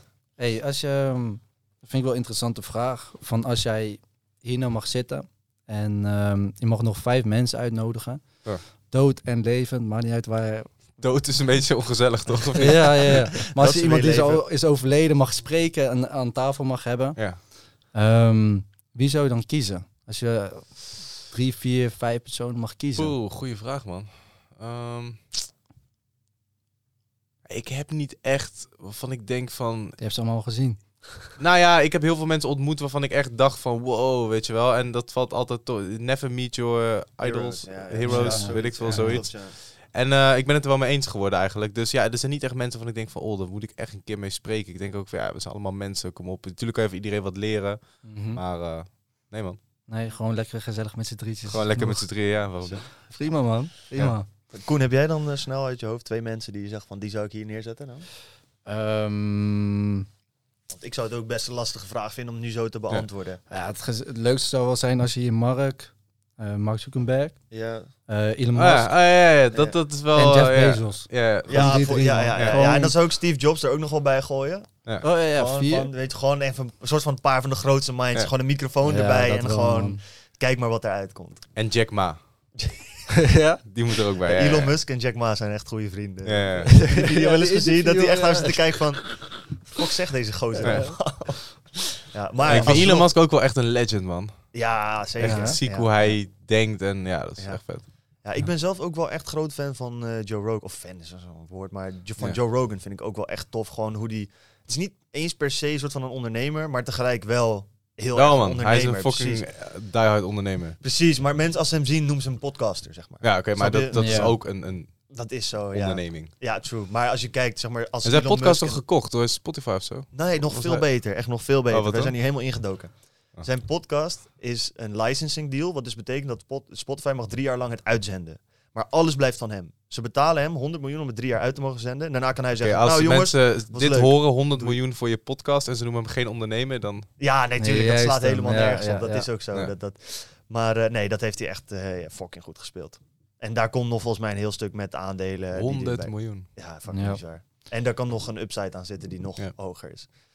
Ja, en het is nu steeds meer, hè, want je hebt dat eh Call Her Daddy, ik weet niet of je die podcast kent. Dat is ja, gewoon een ranzige podcast van een chick die alleen maar over seks praat. Ja. Maar het is een hele grote podcast. En eh, die is ook voor 60 miljoen door Spotify gekocht. Echt? Ja, Ja. Spotify is echt... het die wordt een grote eh, transfermarkt. ja, straks, ja, dat gaat helemaal Ja. nergens over. Ja, dat is echt bizar.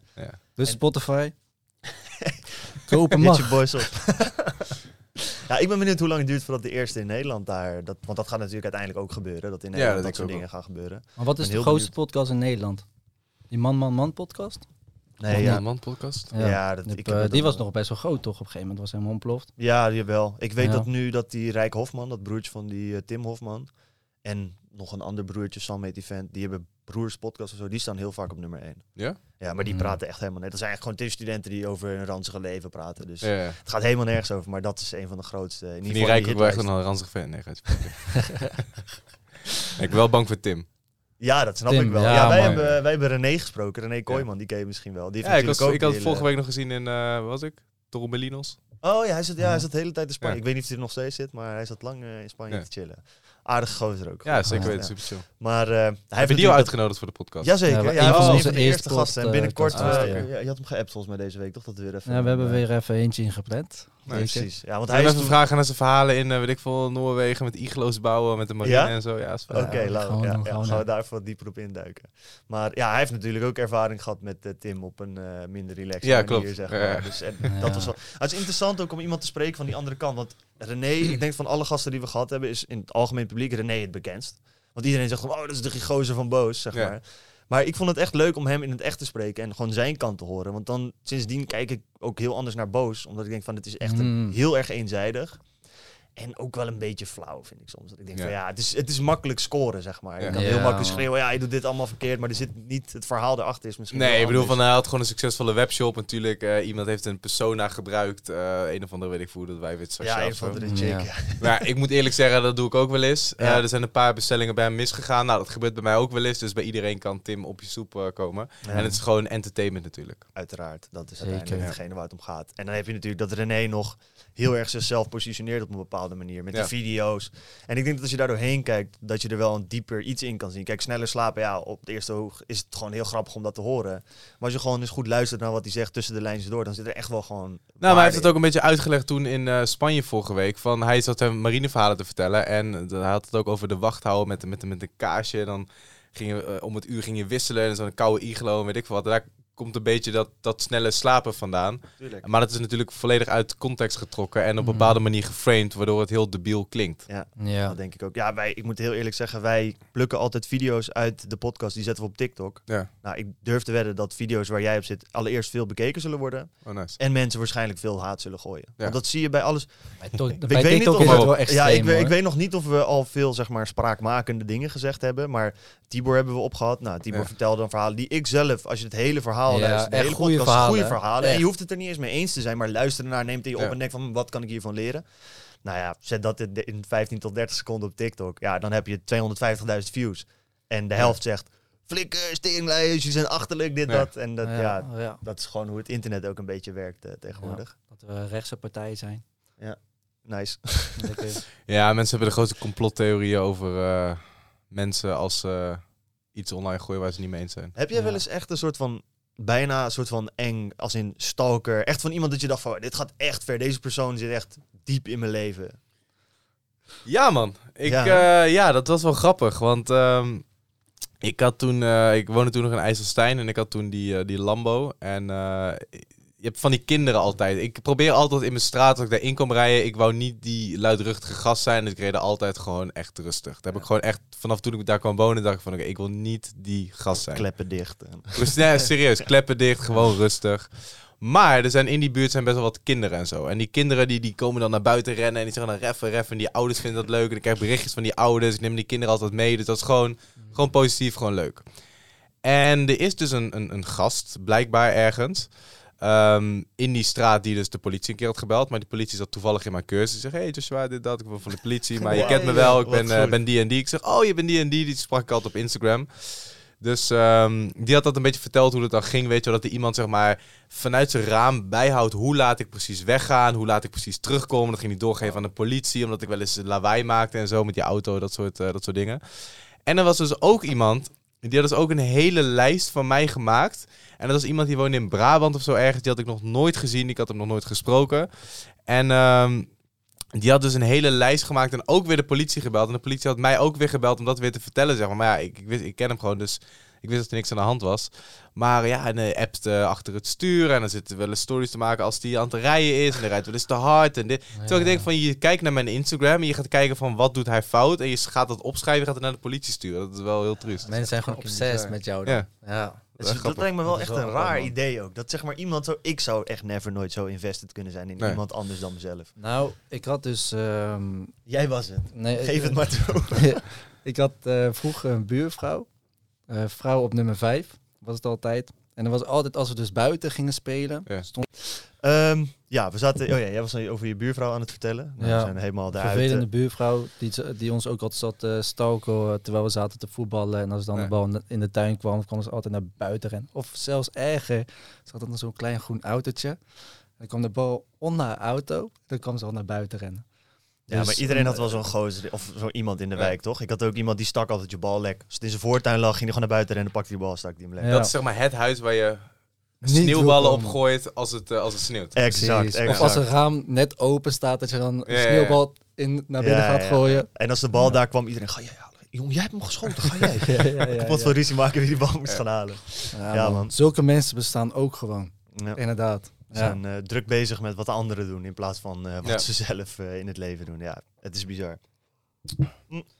Dus ja, ik heb eigenlijk nog één eh, vraag wat ik zelf heel interessant vind en ik denk ook heel leerzaam kan zijn voor iedereen die dit luistert. Ja. Eh, we hebben natuurlijk veel gehad over je succes, eh, over hoe hard het allemaal gegaan is. Je hebt verteld dat je daar ook best wel mee gestruggeld hebt op eh, tijden. Ja, zeker weten. Zou je ons kunnen meenemen naar een moment dat je echt zat van fuck, hoe echt een, een issue gewoon van hoe ga ik dit doen en hoe je daarmee om bent gegaan? Want ik denk dat het leuk is voor mensen om daar een beetje inzicht in te krijgen.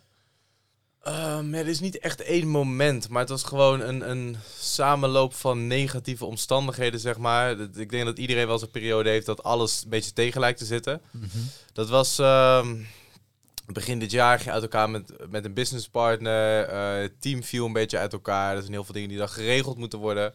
Dus dat was wel een moment dat ik echt dacht van oké, ga, gaat dit wel goed komen? Ehm, dan heb je wel die, die stemmetjes in je hoofd van ja, wat als het nou wegvalt? Wat als dit? Wat als dat? Wat als zus? Wat als zo? Ik denk dat dat momenten zijn dat je echt zelf sterk in je schoenen moet staan. En ehm, ja, je, je mindset ook weer moet, moet omswitchen naar iets positiefs. Ondanks dat alles tegen, tegenstaat, dat je toch nog iedere dag moet knallen. Toch nog iedere dag je dingen moet doen. En je zult ook zien met dat soort dingen, als dat gebeurt, dan, dan gebeurt het vaak eh, allemaal tegelijk. Ja. Dus dat zijn ook dingen die ik, eh, die ik meemaak. Kijk, heel veel mensen die zien natuurlijk van de buitenkant het succes.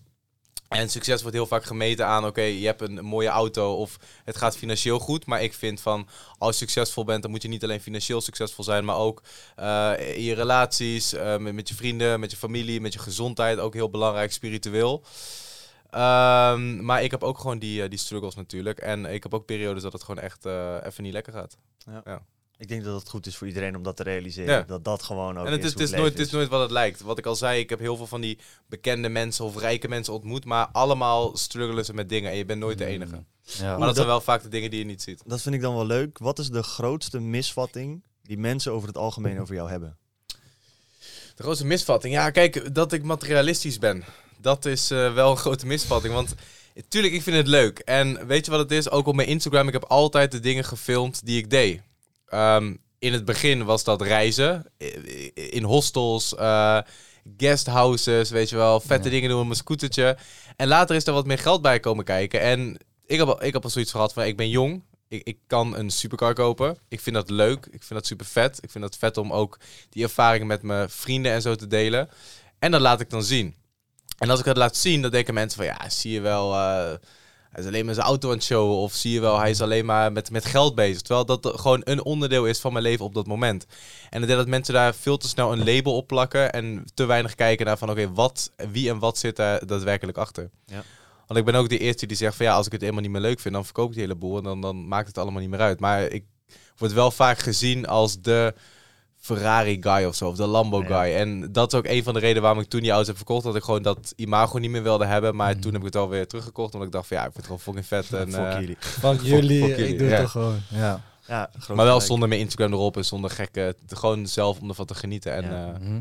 dat mensen daar vaak een misvatting in maken. Want ik doe heel veel voor mensen uit mijn omgeving ook. eh, goede doelen, dat soort dingen. En mijn belangrijkste kernwaarde is vrijheid. En ik wil gewoon vette dingen meemaken. En ik denk dat heel veel mensen dat niet, eh, niet zien. En heel vaak een label erop plakken van... Hey, Ja. die is super materialistisch of zo. Ja. Maar het ima- imago wat je dus wil overbrengen is wat meer van creëer vrijheid voor jezelf. Ja, dat, dat is voor mij het allerbelangrijkste. En ik heb nu ook al mijn Instagram posts veranderd. eh of al mijn Instagram posts Weggehaald. verwijderd. Alles is weg. Dus ik ga ook... Shout-out eh, naar eh, Robin.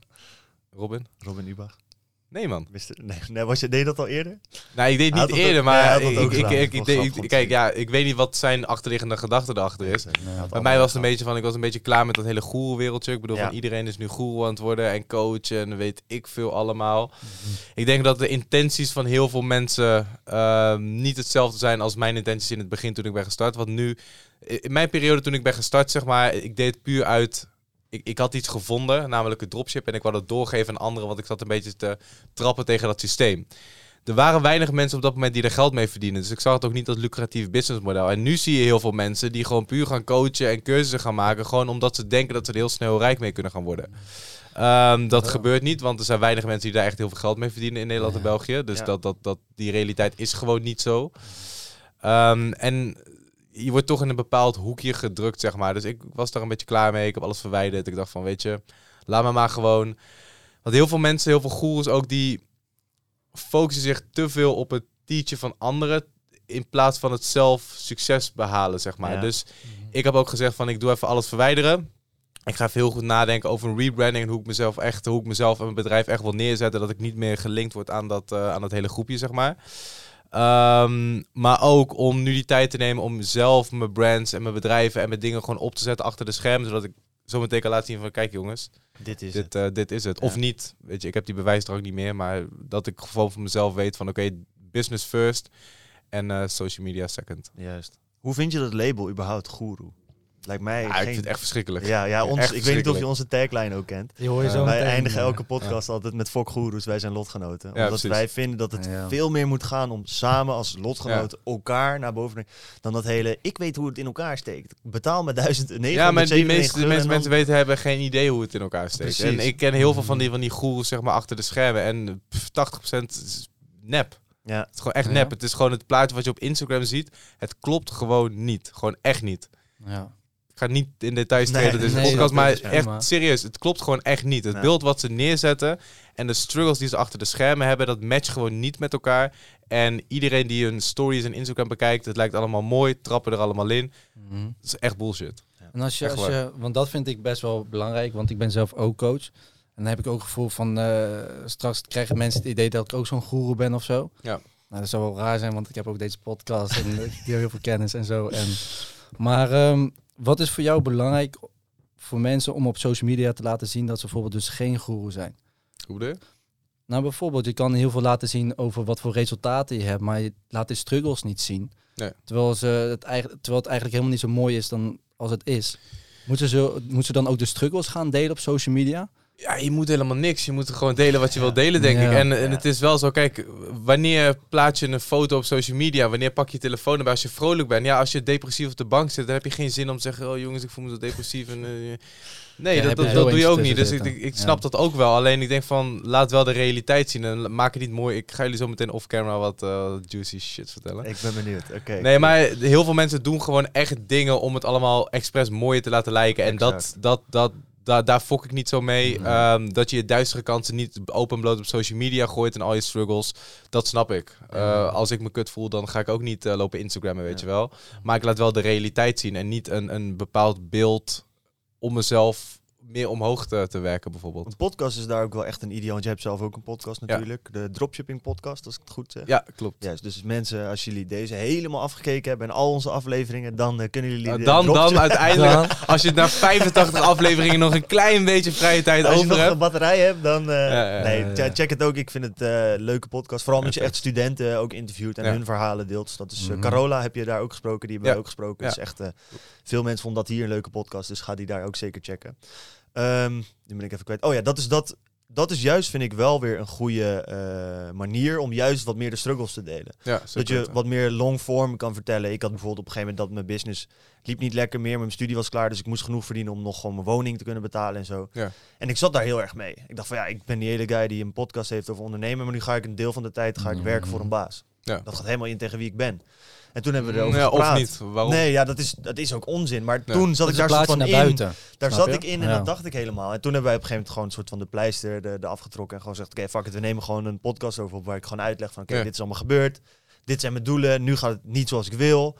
En daar was de reactie juist heel positief. Ja, maar dat is ook van, positief hey, en dat Ja. is transparant en dat is gewoon echt. En er zijn Ja. ook mensen die zeg maar dat stukje expres niet laten zien of niet vertellen om aan de buitenwereld het beeld voor te houden van kijk, ik ben fulltime ondernemer en dat is niet zo en het is helemaal niet zo erg, niet erg dat het, dat het niet zo is. Alleen wees er transparant over. Ik denk dat het is heel mooi is dat je juist de boodschap naar buiten kan brengen van hé hey jongens, ik heb deze podcast, ik ben ondernemer en ik ben met vette dingen bezig.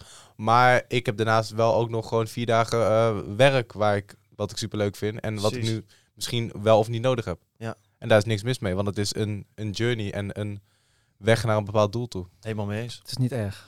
nou ja, ja Nee, ja, dat is ook zo. Nee, Tuurlijk is het En dat merk ik ook toch- wel. Dat, dat, dat wordt ook zo, denk ik het, een van de dingen die het meest gewaardeerd worden aan onze podcast. Ja. Dat wij over het algemeen gewoon heel authentiek lullen. Dat we gewoon zeggen, we weten niet alles. ja, precies. Niet alles gaat zoals we willen, maar we hebben Nee. toffe gesprekken en hopelijk kan je daar gewoon iets van meenemen. En, eh, Ja. Ja, ik denk dat dat, Dat tot nu al toe goed gelukt is. 85, eh 85 afleveringen Ja. achter elkaar inderdaad. Ja, en als je snel geld wil verdienen, begin niet aan een podcast. Dat is ook Eh, sowieso als je geld wil verdienen, begin niet aan een podcast, denk ik. Nee, nee, Nee, dat nee, is, het is niet echt een eh, hele money-making business. Nee. eh, maar hey, Ja, indirect misschien wel als je een product verkoopt en je, als, je, je praat erover. ja, dat zijn ook wel dingen waar we mee bezig zijn om dat een beetje eh, te doen. Ja. Ik heb nog een laatste vraag. Ik weet niet of jij nog dingen hebt. Jij bent die, de eh, man met alle vragen, merk ja, ik. Ja. zo ben ik. Ehm, waar zie je jezelf over vijf tot tien jaar? En waar, hoe denk je dat alles dan uh, Vind ik zo'n kutvraag. Ja? ik heb echt geen idee, man. Nee? Oké, nice. Ik heb echt geen idee. Zeker niet in de huidige situatie waarin we nu leven. Er verandert zo ontzettend veel. Ehm, we hebben het al even gehad over mijn journey van vier jaar geleden. Nou ja, ik had vier jaar geleden nooit gedacht dat ik nu hier zou staan bijvoorbeeld. Hier zou zitten, op de Lot Ja. Lotgenoten podcast. Hey. Hey, hey. Nee, maar het kan, kan gewoon allemaal super snel gaan. En, Ja. en de, de persoon die ik nu ben, zal heel anders zijn dan de persoon die ik over vijf jaar ben. Ik hoop dat ik ehm, in de aspecten relatie, geluk, liefde, familie, vriendschappen, ondernemerschap, gezondheid. Ik weet niet of ik gezondheid al heb verteld, maar nu nog een keer dan. Ehm, dat ik daarin eh, ben gegroeid, dat ik daar een beter persoon in ben, dat ik trots ben op eh, wat ik de komende vijf jaar ga doen. En dat ik gelukkig in het leven sta, dat, eh, dat is het belangrijkste. Dat lijken mij hele duidelijke doelen voor over vijf jaar, Ja, toch? precies. Dat is, Ja. eh. En hoe dat concreet vorm gaat geven, ik, ik weet het niet. Het, er is zoveel nu gaande en aan het veranderen. Ik weet niet waar ik woon, ik weet niet waar ik ben, ik weet niet welke mensen om me heen, eh, om me heen zijn. Eh, dus eh, ik heb geen idee, man. Cool. Als, je het vijf jaar, als je het vijf jaar geleden het had over crypto's. Ik hoop, wel dat ik, eh, ik hoop wel dat ik mijn huidige bitcoins nog heb in ieder geval. Ja, precies. Dat ik in die vijf jaar niet ergens denk van ik moet nu verkopen. Ja, Nee, nee, ja, nee. ja. Mooi. Ehm, heb je nog iets wat je wil pluggen voor iedereen hier die dit luistert? Waar je zegt, hey, check dit. eh, misschien op Instagram of een project dat eraan zit te komen. Iets. Nee, gewoon, ik Ehm, weet niet wat je allemaal doet. Nee man, hou me in de gaten, hou jullie in de gaten en eh, hou vooral jezelf in de gaten. Focus niet, te- niet te veel op wat andere mensen doen op social media met andere projecten, maar focus op jezelf. Waar wil ik naartoe? Eh, welke stappen wil ik maken? En ga er gewoon 100% voor. Lijkt me heel duidelijk. Clean. En dan Ja. zeg ik het nog voor jou. Als jij wil beginnen met ondernemen en je denkt dropshippen lijkt me tof. Dan denk ik dat de Dropship Academy een van de beste plekken is om te beginnen. Dus dat eh, zullen we nog in een linkje of zo in de beschrijving gooien en op eh, Spotify. Verder, Joshua, heel erg bedankt. Ik kan een affiliate linkje maken op dropshipacademy.nl slash Hey. affiliate. Kijk, dan gaan we dat doen. Dan eh, kunnen wij eh, misschien op een gegeven moment een camera kopen die eh, niet stopt halverwege. Dan, Nice. Nee, ja. Eén sale, hè? Oh, dan heb je, dan Ja, heb je, dan heb je een goede Hey, camera. Eén sale. Dus hey, doe even via die affiliate link. Lekker man, lekker En man. ehm, ja, dankjewel. ding, dan zeggen we altijd nog één ding. En dat is fuck Goeroes. Wij, Wij zijn lotgenoten. Dankjewel voor het kijken en het luisteren. En tjus. Thank you.